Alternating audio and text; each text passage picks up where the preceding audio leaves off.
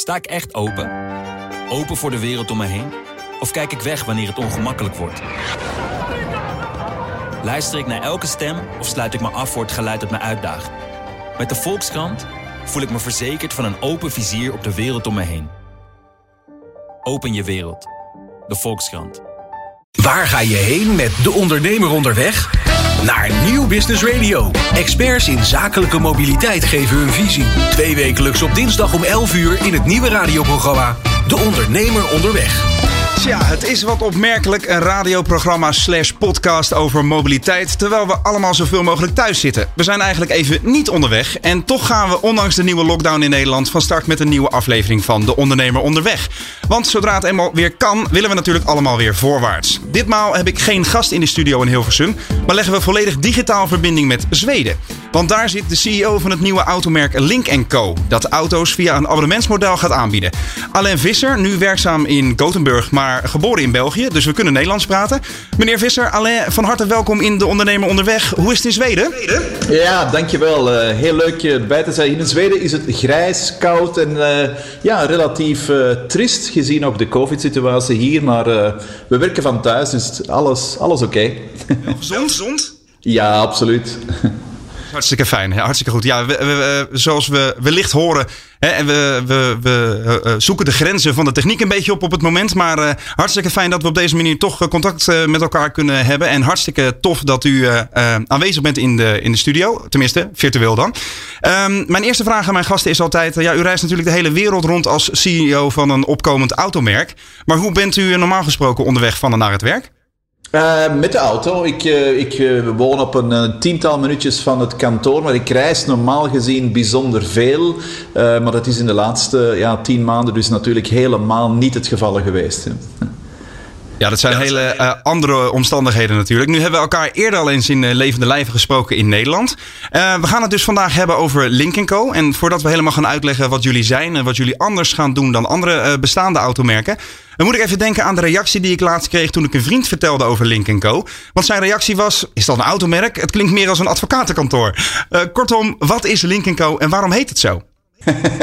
ja, een advocatenbureau zou ik nog zo niet direct zeggen, maar we zijn zeker geen, we zien onszelf zeker niet als een automerk. En eigenlijk als een, een ondernemer dat zo'n beetje revolteert tegen de auto-industrie die eigenlijk al 100 jaar hetzelfde doet. En uh, eigenlijk hebben wij gezegd van laten we iets totaal anders doen. Er zijn hoe langer hoe meer mensen daar die gewoon iets nieuws willen. En wij hebben wel een bijzonder goede auto, maar wij denken en wij zijn ervan uitgegaan dat het, het, het, probleem vandaag is niet genoeg, goed genoeg auto's, maar wel uh, goede mobiliteit. Dus eigenlijk hetgeen wij proberen te doen is mobiliteit aan te bieden. En uh, ja, als ik de vraag krijg wat is het verschil tussen een auto automerk en Link Co. is het eigenlijk een lang antwoord, maar de korte versie is: wij zien ons als de Netflix of de Spotify van de auto-industrie. Dus het, dus het valt en staat met eh, flexibiliteit, hoor ik aan alle kanten. Um, uh, even terug naar de basis. Jullie zijn onderdeel van hetzelfde Chinese Geely-concern als uh, Lotus, Polestar en Volvo. Vandaar ook jullie basis in Zweden, neem ik aan. In, in China staat er al een hele line-up van modellen en het merk slaat daar aan. Hè? Jonge mensen vinden het tof. Maar in Europa hebben jullie een heel andere aanpak. Hè? Jullie zeiden, je zei het net al, anders en vernieuwend. Maar wat is die aanpak in een notendop?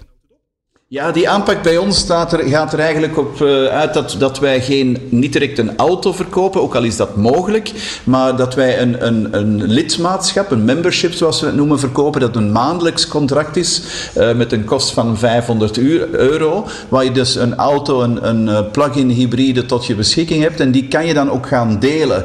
Dus eigenlijk die 500 euro is de maximale prijs, want hoe meer je die auto deelt, hoe lager je prijs is en hoe meer je dan ook hetgeen eigenlijk ons strategisch doel is van een zeker sustainability objectief. Dat je gewoon niet echt meer auto's op de baan wil, maar die auto's die op de baan zijn gewoon meer efficiënt gaat gebruiken. Dus ons, ons concept gaat erom mobiliteitscontracten te verkopen, waar je een auto tot beschikking hebt die je kan delen. Maar hetgeen we dan eigenlijk ook zeggen is dat als je dan lid wordt van Link Co, zijn er ook nog heel ander aantal zaken. Uh, wij hebben geen dealers, wij hebben clubs eh, die on, onlangs in moeilijke omstandigheden in Amsterdam geopend, waar je ook events hebt. Dus wij gaan muziekfestivalen ondersteunen, wij gaan events hebben in onze club, zodat eigenlijk onze members niet alleen een auto hebben, maar ook deel maken van een, een groep van mensen die ja, de bepaalde dingen doen die wij denken wel relevant zijn voor die doelgroep.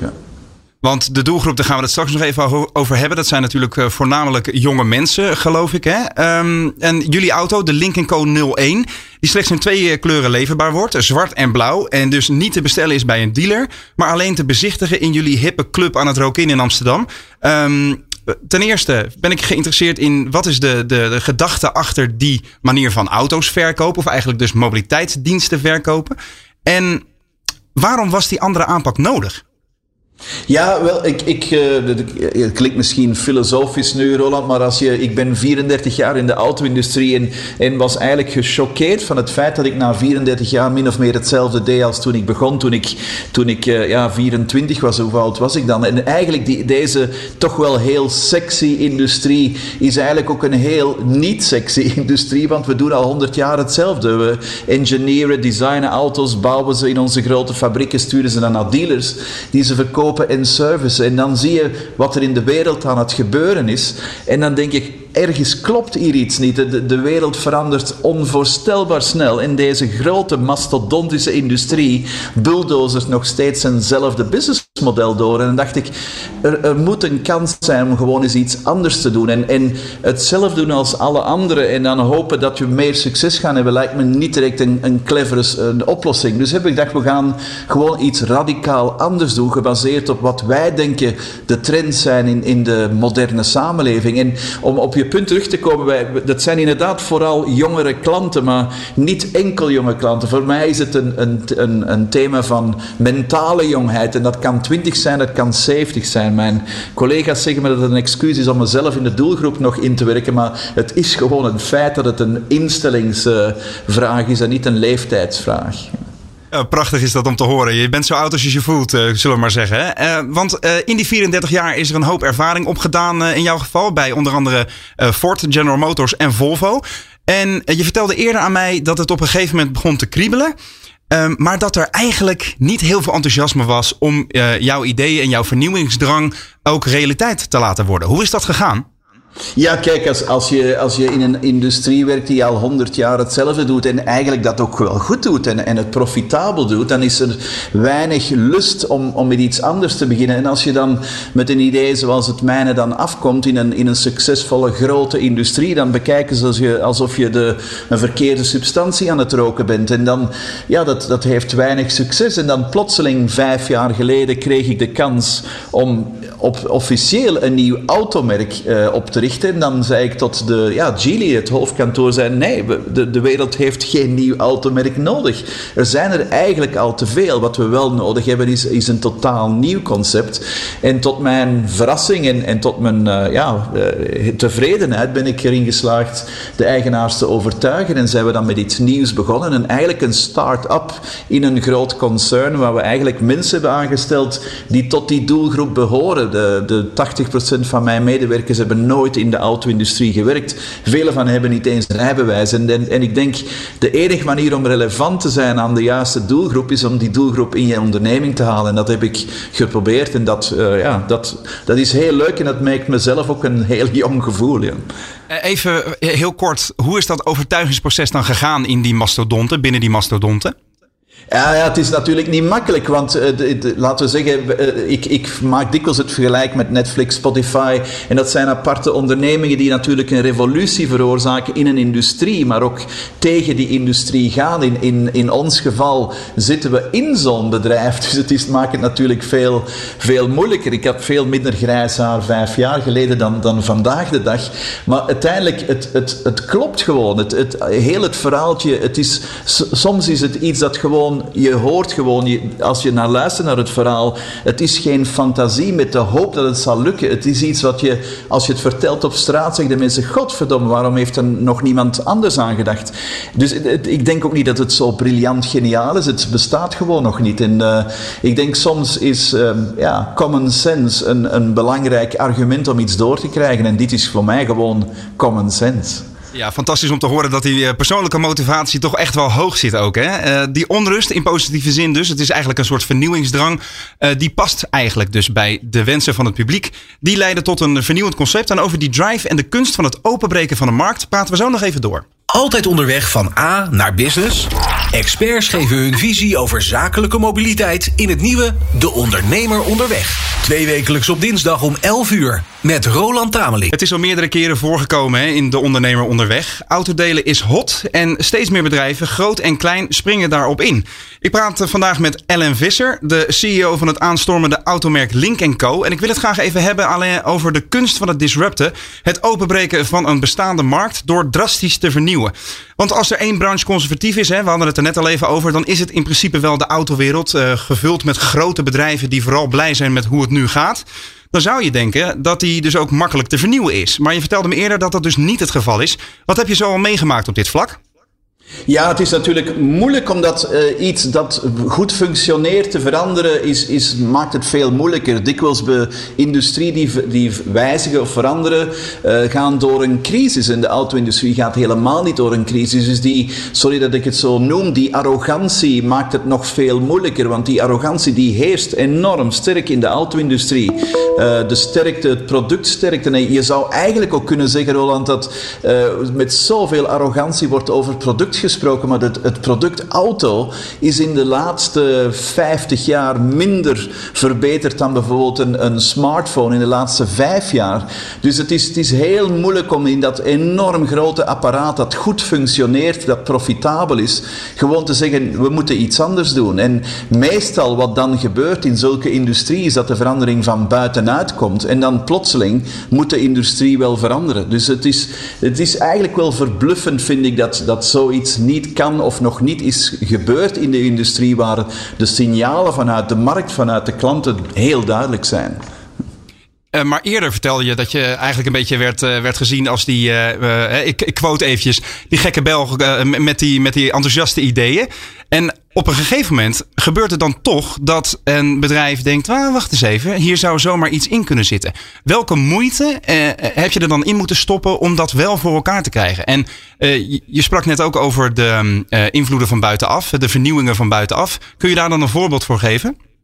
Ja, uh, op, op, het eerste punt, het is enorm veel energie. En kijk, ik, eh, dat, dat, klinkt nu misschien religieus, maar zo is het niet.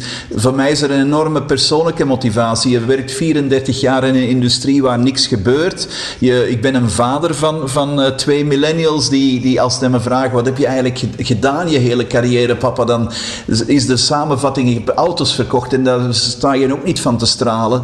En dan denk je, ja, eigenlijk zou je iets kunnen doen dat gewoon echt vernieuwend is en ook echt sustainable is. En dan dacht ik in plaats van iets totaal nieuws te doen, waarom niet in die industrie ook iets innoverends te doen? En dat is eigenlijk mijn drijfveer geweest. Het is voor het eerst in mijn carrière dat ik ook iets doe waar ik 200% achter. En ja, als je zegt hoe komt het van buitenuit, het is, eh, ik, ik, ik, ik zal zelfs een, een voorbeeld gebruiken uit de auto-industrie. Ik heb minstens 20 jaar lang van alle topingenieurs gehoord dat elektrische auto's onmogelijk zijn, dat er nooit een batterij zal bestaan die een auto kan laten rijden voor meer dan 300 kilometer.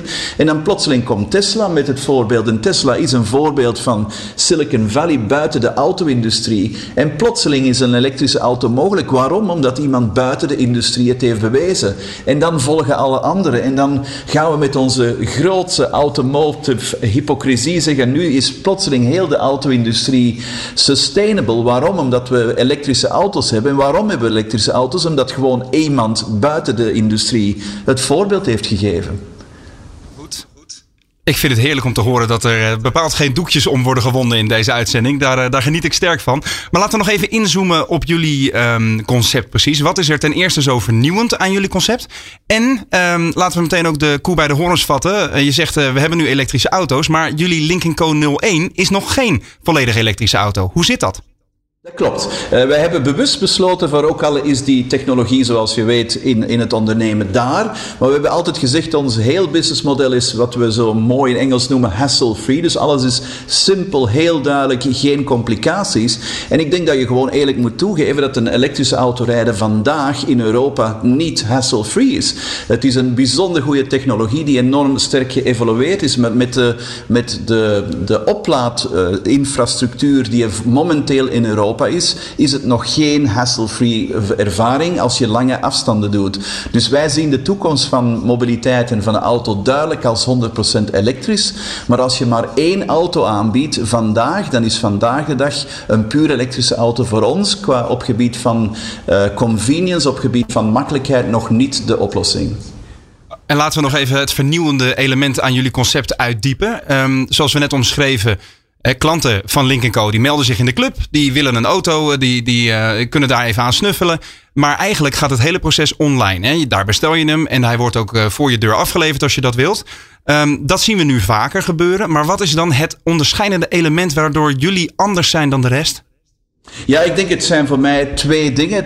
Ten eerste dat je, want het element uh, subscription of abonnement, zoals het in Nederland denk ik meer genoemd wordt, dat nu heel veel autoconstructeurs gebruiken, is een marketing bla bla voor hetgeen leasing heet. Uh, je, je tekent een contract voor 12, 24 of 36 maanden. Ik denk het, het grote verschil is dat ons abonnement één maand is, dat je dus na één maand kan uitstappen. Hetgeen voor die, niet alleen millennials, maar mensen die gewoon niet niet weten wat er gaat gebeuren in, de, in hun leven de volgende zes maanden of twaalf maanden een enorm groot uh, belang, belangrijk punt is. Maar het tweede verschil is ook dat je niet alleen echt een auto tot je beschikking hebt en mobiliteit hebt, maar dat je ook de, uh, lid wordt van, van bepaalde dingen die wij gaan organiseren. Dat zijn events in onze clubs, dat kan van DJ's, performance zijn, cocktailmixers, uh, fashion shows of ook het ondersteunen van muziek, even, event in, in Amsterdam of Rotterdam enzovoort. Dus het, is, het zijn die twee dingen, denk ik. Het maandelijks concept plus het concept dat een auto plus is. En waarom is het dan uiteindelijk exact dit concept geworden met die twee elementen?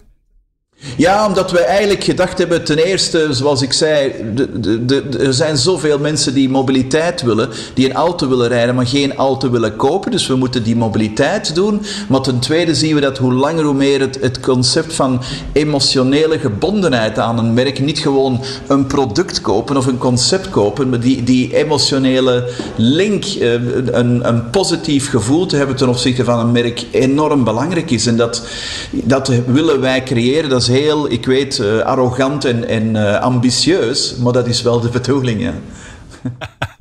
Heerlijk is dat, ja. Maar er, um, uh, er zit ook een hele filosofie achter jullie aanpak. Hè? Ik, ik, was eerder bij jullie op bezoek in de club in het, op het Rokin in Amsterdam. En dan zie je ook dat jullie allerlei samenwerkingen hebben met andere duurzame um, bedrijven. En het, het heeft soms een beetje de neiging om naar enorm opgeklopte marketing uh, te ruiken. Met alle respect. En ik weet ook dat het, uh, dat het in principe jouw achtergrond is. Maar um, als je verder gaat kijken, dan is die marketing uh, vooral een doel om, het, om de gedachte achter Link Co. duidelijker te maken. Dat jullie inderdaad het hele systeem wat, um, laten we zeggen, duurzamer en meer down to earth willen maken. Zeg ik het zo goed?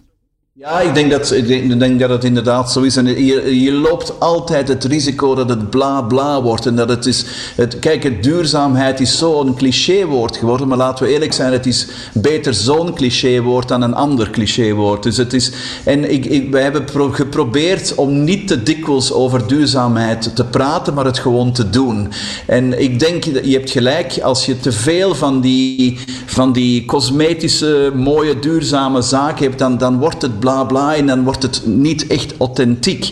En watgeen wij hebben gedacht, hetgeen ik ook van overtuigd ben, is laat die mensen die zo sceptisch zijn, die helemaal niet achter de auto-industrie staan, die echt voor duurzaamheid staan, laat die de beslissingen nemen. En als je mijn marketingteam zou zien, dat zijn helemaal niet die traditionele marketeer, marketeers, automensen. Dat zijn echt mensen die, die authentiek ook die doelstellingen hebben. En dan hebben we gezegd, laten we hen de beslissingen nemen. En dat doen we nu ook. En, en dan zien we wel, uh, het is uiteindelijk de klant die beslist. Ik ben er ontzettend van overtuigd dat hetgeen we doen volledig authentiek is. Maar het is uiteindelijk de klant die beslist. Maar uiteindelijk is er eigenlijk nog steeds niets niet zoiets als een duurzame auto. Hè? Jullie auto rijdt ook nog steeds op fossiele brandstoffen. En tijdens het proces om hem te maken komt er CO2 vrij. Um, dan is het toch best lastig om een, uh, een verhaal overeind te houden uh, met, uh, dat, dat aan elkaar hangt van de duurzaamheidsgedachte. Ja, dat, dat, klopt. En ik denk, ik zou ook liegen moest ik zeggen dat onze auto 100% duurzaam is. Wat, wat ik niet lieg is dat we zeggen, we proberen in een onvoorstelbaar on-niet duurzame industrie een duurzame trend te beginnen. En dat, dat, dat gaat niet enkel van de materialen die we gebruiken in onze auto. Wij zijn het enige merk dat geen lederen stoelen heeft, maar enkel dus uh, Econil gebruikt als een, een gerecycleerd visnetten gebruikt als stof. Dus we, we, we, we hebben duidelijk de doelstelling om naar uh, duurzaamheid te gaan, om inderdaad, zoals je zegt, in onze winkel, in onze club, enkel duurzame producten te gebruiken, enkel duurzame producten ook te verkopen. En, en, maar ja, de, een beetje de revolutie in die totaal niet duurzame industrie te brengen. Is onze auto 100% duurzaam? Is al hetgeen we doen 100% duurzaam? Helemaal niet. Maar ik denk het is voor ons een doelstelling voor die vreselijke niet-groene industrie en duidelijk naar die kant te trekken. Dat is onze doelstelling. Het zal inderdaad veel makkelijker zijn om een schoenmerk te beginnen met totaal recycleerbare materialen, maar we hebben misschien dat moeilijkere pad gekozen. Dat maakt, maakt het ook veel meer boeiend. Ik wilde net zeggen, dat is natuurlijk ook wel iets wat een onderneming en een ondernemer uh, siert. Nou, er is nog veel meer te vertellen over de Link Co 01, de auto waar we het nu eh, over hebben, die uh, begin volgend jaar ook in Nederland leverbaar wordt. Maar we gaan ook nog doorpraten over de manier waarop jullie je klanten bij het merk betrekken en natuurlijk of en waarom jullie aantrekkelijk zijn voor ondernemers. Stap in de wereld van zakelijke mobiliteit. Experts, nieuws en innovaties. Twee wekelijks op dinsdag om 11 uur in De Ondernemer Onderweg. Op Nieuw Business Radio met Roland Tameling. Tja, Alain Visser, CEO van het opkomende automerk Link Co. Bas van Putten zegt: het stekkerparadijs is er nog lang niet. Nou, dat eh, bevestigden jullie net ook al door een plug-in hybride te lanceren. Maar Bas zegt ook: het is de schuld van de dealers dat die auto's nog niet doorbreken. En die dealers vind ik interessant, want bij Link Co hebben jullie geen dealers, hè? Hoe zit dat? Ja, inderdaad. En, en kijk, wij zijn er heel open over geweest. Maar als je ziet wat de kostenplaatje is van een, een dealernetwerk, dan denk je dat dat kan gewoon niet zijn. En ik denk, uh, nog eens wat filosofisch te worden.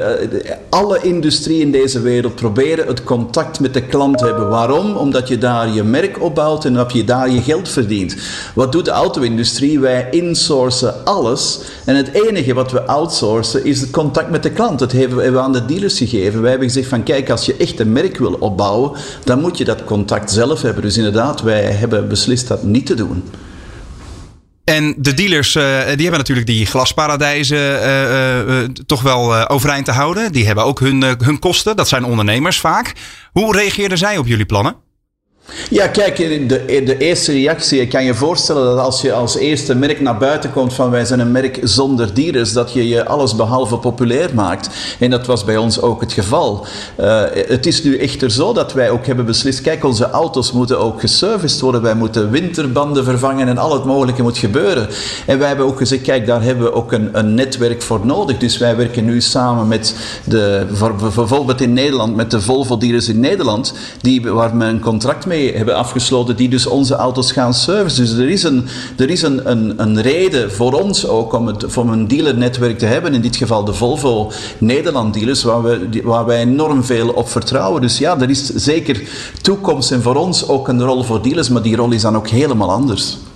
Dus eigenlijk versterkt het elkaar alleen maar en komt er een nieuwe business case bij het bestaande verdienmodel, zou je kunnen zeggen. Ja, zoals je merkt, vandaag praten we in een ondernemer onderweg uh, over een nieuw automerk dat onderweg is naar Nederland. Link Co, een van oorsprong Chinees zustermerk van onder meer Volvo dus, maar dat op een andere manier auto's gaat verkopen. Want, zoals we net al bespraken, klanten kunnen in één keer een bedrag van 39.000 euro overmaken voor de Link Co 01. Maar het vernieuwende zit hem in het maandelijkse abonnement dat je elke maand kunt stopzetten. Dus hyper flexibel. De vraag is natuurlijk, 500 euro per maand lijkt in eerste instantie niet veel alleen. Maar um, ga je dat over een jaar uitspreiden, dan uh, betaal je zomaar 6000 euro voor die auto. En dat is een bedrag wat de meeste ondernemers, zeker ZZP'ers, uitgeven uh, voor een aanschaf van een auto waar ze vervolgens een paar jaar in rijden. Je zou kunnen zeggen dat het ja, financieel niet heel erg aantrekkelijk lijkt. Of zie ik iets over het hoofd? Ja, ik denk dat je nogal veel over het hoofd ziet. Ik denk het een van de belangrijkste en misschien moeilijkste communicatiedoelstellingen die wij hebben, is, is de, de huidige autorijder uh, het kostenplaatje te tonen van wat hij vandaag uitgeeft. En als je ziet op welke manier je ook een auto bezit, of je die nu gekocht hebt, of leest, of huurt, of uh, Uber gebruikt, of wat dan ook, dan is het gemiddeld kostenplaatje van de gemiddelde autorijder vandaag duidelijk hoger dan die 500 euro als als je alles erbij inneemt. En in onze 500 euro is inderdaad alles erbij in. Dus ik denk, het, het gaat heel moeilijk zijn om, om dat aan te tonen, maar het feit is zo. En diegenen die de rekening maken, zullen heel snel inzien dat die 500 euro een bijzonder goede prijs is. We hebben ook nooit gezegd, het gaat goedkoop zijn, maar het is wel een enorm veel wat er in die auto zit. En je weet ook, in die auto zit alles ook in, alle opties zijn er. Maar gewoon het kostenplaatje vandaag, wat de klant vandaag uitgeeft aan mobiliteit, ligt boven die 500 euro. En dat, die rekening zal moeten gemaakt worden. Dat is inderdaad wel zo. Hè. Ik heb zelf ook even naar mijn huidige situatie gekeken. En stel, hè, ik ben ZZP'er en ik heb in principe best wel wat over voor mijn auto. Maar stel, ik verwend mezelf en ik koop een dikke Youngtimer voor 7500 euro. Nou, stel 1500 euro per jaar aan onderhoud erbij. 1000 voor de verzekering en 1250 voor de wegenbelasting. Dan ben ik in vier jaar tijd 22.500 euro kwijt. Met de hoop dat ik dan nog een duizendje of drie terugkrijg eh, als ik hem inruil. Maar rij ik vier jaar of 48 maanden een Link Co, dan kost me dat 24.000 euro. Dus dat zit inderdaad uh, behoorlijk dicht bij elkaar. En in jullie geval rij je dan een volledig nieuwe plug-in hybride auto die 69 kilometer maximaal elektrisch kan rijden. Hè? Uh, het lijkt nu bijna alsof ik jouw auto ga zitten verkopen. Maar als je het zo onder, een, uh, onder de streep ziet, dan is het best wel concurrerend. Ja, het is zeker concurrerend. En ik denk ook dat we de markt, een, uh, laten we zeggen, diegenen die in de markt zitten, ook de andere automerken wel wat verrast hebben met ons prijsplaatje, omdat het echt een, een goede prijs is. Dus het is, ja, volgens mij is het, staat het heel duidelijk. Ja. Laten we, laten we als ondernemers even man en paard noemen. Een uh, stuntprijs is één ding, maar kun je er ook een bedrijf uh, mee runnen? Is het een levensvatbaar businessmodel, 500 euro per maand? Ja, dat is het. Anders zaten we nu niet in dit gesprek, denk ik. Maar het is inderdaad, het is zo. En, en ik moet het ook duidelijk stellen, wij zijn geen deelbedrijf. onze, onze winstmarge ligt niet in het delen. Dat is, zien wij meer als een, een, een reden waarom de, onze klanten naar Link Co zullen kunnen gaan om, om juist te kunnen delen en de kosten te verlagen. Onze, onze profit marge, on, onze volledig businessmodel is gebaseerd op het, het lidmaatschap. Daar zit ons businessmodel in. En dat is inderdaad uh, een heel ander businessmodel dan auto's te verkopen, maar is profitabel. Ja. Maar op welke basis hebben jullie dat businessmodel dan um, uitgekristalliseerd? Wel, dat is natuurlijk heel moeilijk, want een, een businessmodel uitrekenen voor iets wat nog niet bestaat is altijd wat hypothetisch. En wij gaan ook onze auto's verkopen. We hebben altijd gezegd, we doen wat de klant wil. Als de klant onze auto's wil kopen, gaan we dat doen. Maar het is natuurlijk heel moeilijk in te schatten hoeveel procent, hoe hoog het percentage koop zal zijn ten opzichte van uh, het, het, lidmaatschap. Uh, maar wij hebben eigenlijk ons businessmodel gebaseerd op verschillende scenario's, van enorm kooplastig tot enorm uh, lidmaatschaplastig. En in beide modellen is het, is het een, een, een, een laten we zal ik zeggen, een, een leefbare zaak. Uh, maar het is duidelijk onze strategische bedoeling dat we hoe langer hoe meer naar het lidmaatschap zijn, want dat is hetgeen waarvoor Link Co staat. En jullie, zo vertelde je net, zijn vooral um, op zoek naar mensen die klant willen worden en die uh, jong van hart zijn, zullen we maar zeggen. Hè? Niet zozeer de jonge mensen die flexibiliteit uh, zoeken, maar de jonge mensen die zich, uh, mensen die zich jong voelen. Laat ik het daarop houden. maar bieden jullie ook nog specifieke mogelijkheden voor ondernemers, die zeker in deze tijd natuurlijk ook wel gebaat zijn bij wat meer flexibiliteit? Ja, absoluut. En ik denk dat eigenlijk, we hebben het nu vooral over het businessmodel gehad, over de particuliere klant, maar wij denken eigenlijk dat ons businessmodel zo nog, nog meer zou moeten aanspreken voor de ondernemers. Waarom? Omdat ja, vandaag het, het businessmodel in, en in Nederland is met bijtelling is een uniek systeem, maar als je, als je het op Europees niveau ziet, bijna alle grote bedrijven hebben een aantal leasewagens in hun wagenpark, uh, dat een, dus een maandelijkse kost is. En dat zijn normale wijze auto's die toegedeeld worden aan mensen op hoger niveau of met een, met een, met een baanfunctie. Hetgeen wij zeggen is waarom die kosten niet verlagen, want ook die auto's staan dikwijls voor een hoog percentage gewoon geparkeerd. We hebben het er nog niet over gehad, maar 96% van de tijd is de gemiddelde auto op deze planeet stilstaand. En dat is ook met de wagens in, in het, uh, dienstwagenpark. Dus hetgeen wij zeggen is waarom je 50 directeurs een dienstwagen te geven, waarom niet bijvoorbeeld een wagenpark aan te leggen van 30 auto's en die gewoon beschikbaar te maken eh, aan die mensen en daardoor je kosten te verlagen. Dus dat voor ons op gebied van ondernemingen is dat voor ons een heel belangrijke doelgroep. Je zou dus ook kunnen zeggen dat dit soort uh, abonnementsmodellen een uh, heel levensvatbaar en aantrekkelijk alternatief kunnen zijn voor de standaard leaseauto. Hè, waar we nu zo'n 4 à 5 jaar aan vastzitten. Stel je werknemer gaat weg, dan heb je die auto nog, moet je hem afkopen. Dat zijn allemaal kosten waar je als ondernemer niet op zit te wachten. Um, is het jullie verwachting, laat ik het zo zeggen, wat denken jullie dat dit, um, deze opkomst van dit soort abonnementsmodellen gaat doen met de klassieke leaseauto? Uh, wel, wij denken dat een, uh, aangezien het juist het grote voordeel van ons businessmodel is dat je je niet vastankert voor 24 of 36 of zelfs 48 maanden. Wij denken dat heel veel van die klanten zeggen van ja, ik ga uiteindelijk niet veel meer of niet meer betalen, maar ik moet me niet binden voor een langere periode. En alles is inclusief. Dus ik denk dat er een, uh, een, een kans, voor ons een grote kans bestaat dat, dat er een shift gaat komen van lease naar ons businessmodel. Maar ook van koop naar ons businessmodel. Ja. En hebben jullie de wensen van bijvoorbeeld wagenparkbeheerders en ondernemers ook meegenomen in uh, het bepalen van de voorwaarden van zo'n businessmodel dan?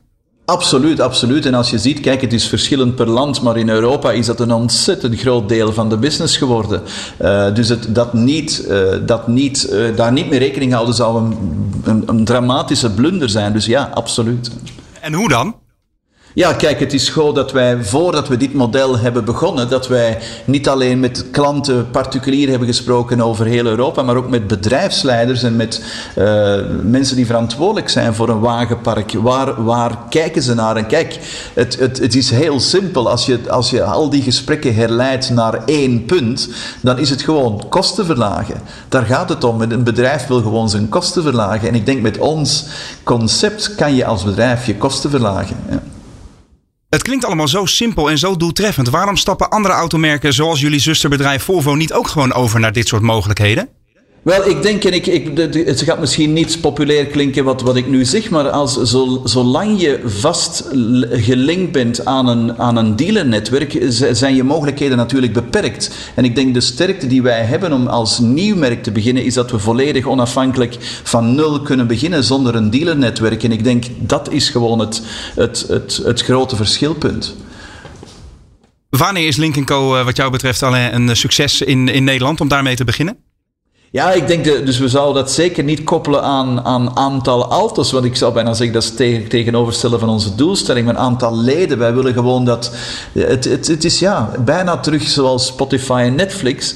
Het, het, het is niet hoeveel cd's hebben we verkocht, maar hoeveel muziek werd er beluisterd. En dat is bij ons ook. Hoeveel members hebben we die, die ons model gebruiken. En ik denk als we als merk een, aantrekkable, een, een, een aantrekkelijk merk zijn geworden in Nederland en in Europa... dan dan zijn we goed onderweg. Het, is altijd, het, het heeft altijd wat tijd nodig als je met iets nieuws begint. Maar dat is onze doelstelling, dat het echt relevant wordt. En dat we dus ja, leden aan boord krijgen. Want wat je natuurlijk niet zou willen is dat de leden, de abonnementshouders, na een paar maanden weer zeggen van nou die auto eh, bevalt me toch niet. Uh, dat je de grilligheid krijgt in je vraag en aanbod. Hoe zorg je dat die mensen fan blijven en aan boord blijven? Ja, en daar, dat, dat, is inderdaad de hamvraag. En, en de, de manier waarop we dat proberen te doen is om meer aan te bieden dan goede mobiliteit. Onze auto is ontzettend goed en dat zullen de mensen binnenkort merken als ze eindelijk een testrit kunnen doen. Maar ik denk de, de, de loyaliteit, de mensen aan boord te houden, de klanten aan, de members aan boord te houden, ligt juist in die activiteiten die buiten de mobiliteit liggen, zoals onze events in de clubs, uh, de, de zaken die we organiseren als merk. Ik denk dat dat, een enorm grote, belangrijke rol zal spelen. Ja, hartelijk bedankt voor dat mooie bruggetje, want uh, dat was mijn volgende vraag inderdaad. Ik ben wel geneigd om het uh, te gaan proberen, maar wanneer uh, zou ik mijn eigen Link Co 01 kunnen ophalen? ja, zoals het de timing er nu uitziet, zullen de eerste auto's geleverd worden. ja, tweede kwartaal volgend jaar, zo begin, begin april waarschijnlijk. Ja. Oké, begin april, dus je moet nog even geduld hebben. Uh, zijn er uh, verder nog uh, nieuwtjes, een, een lekkere scoop die je met ons zou kunnen delen? Komen er bijvoorbeeld nog meer modellen, alleen?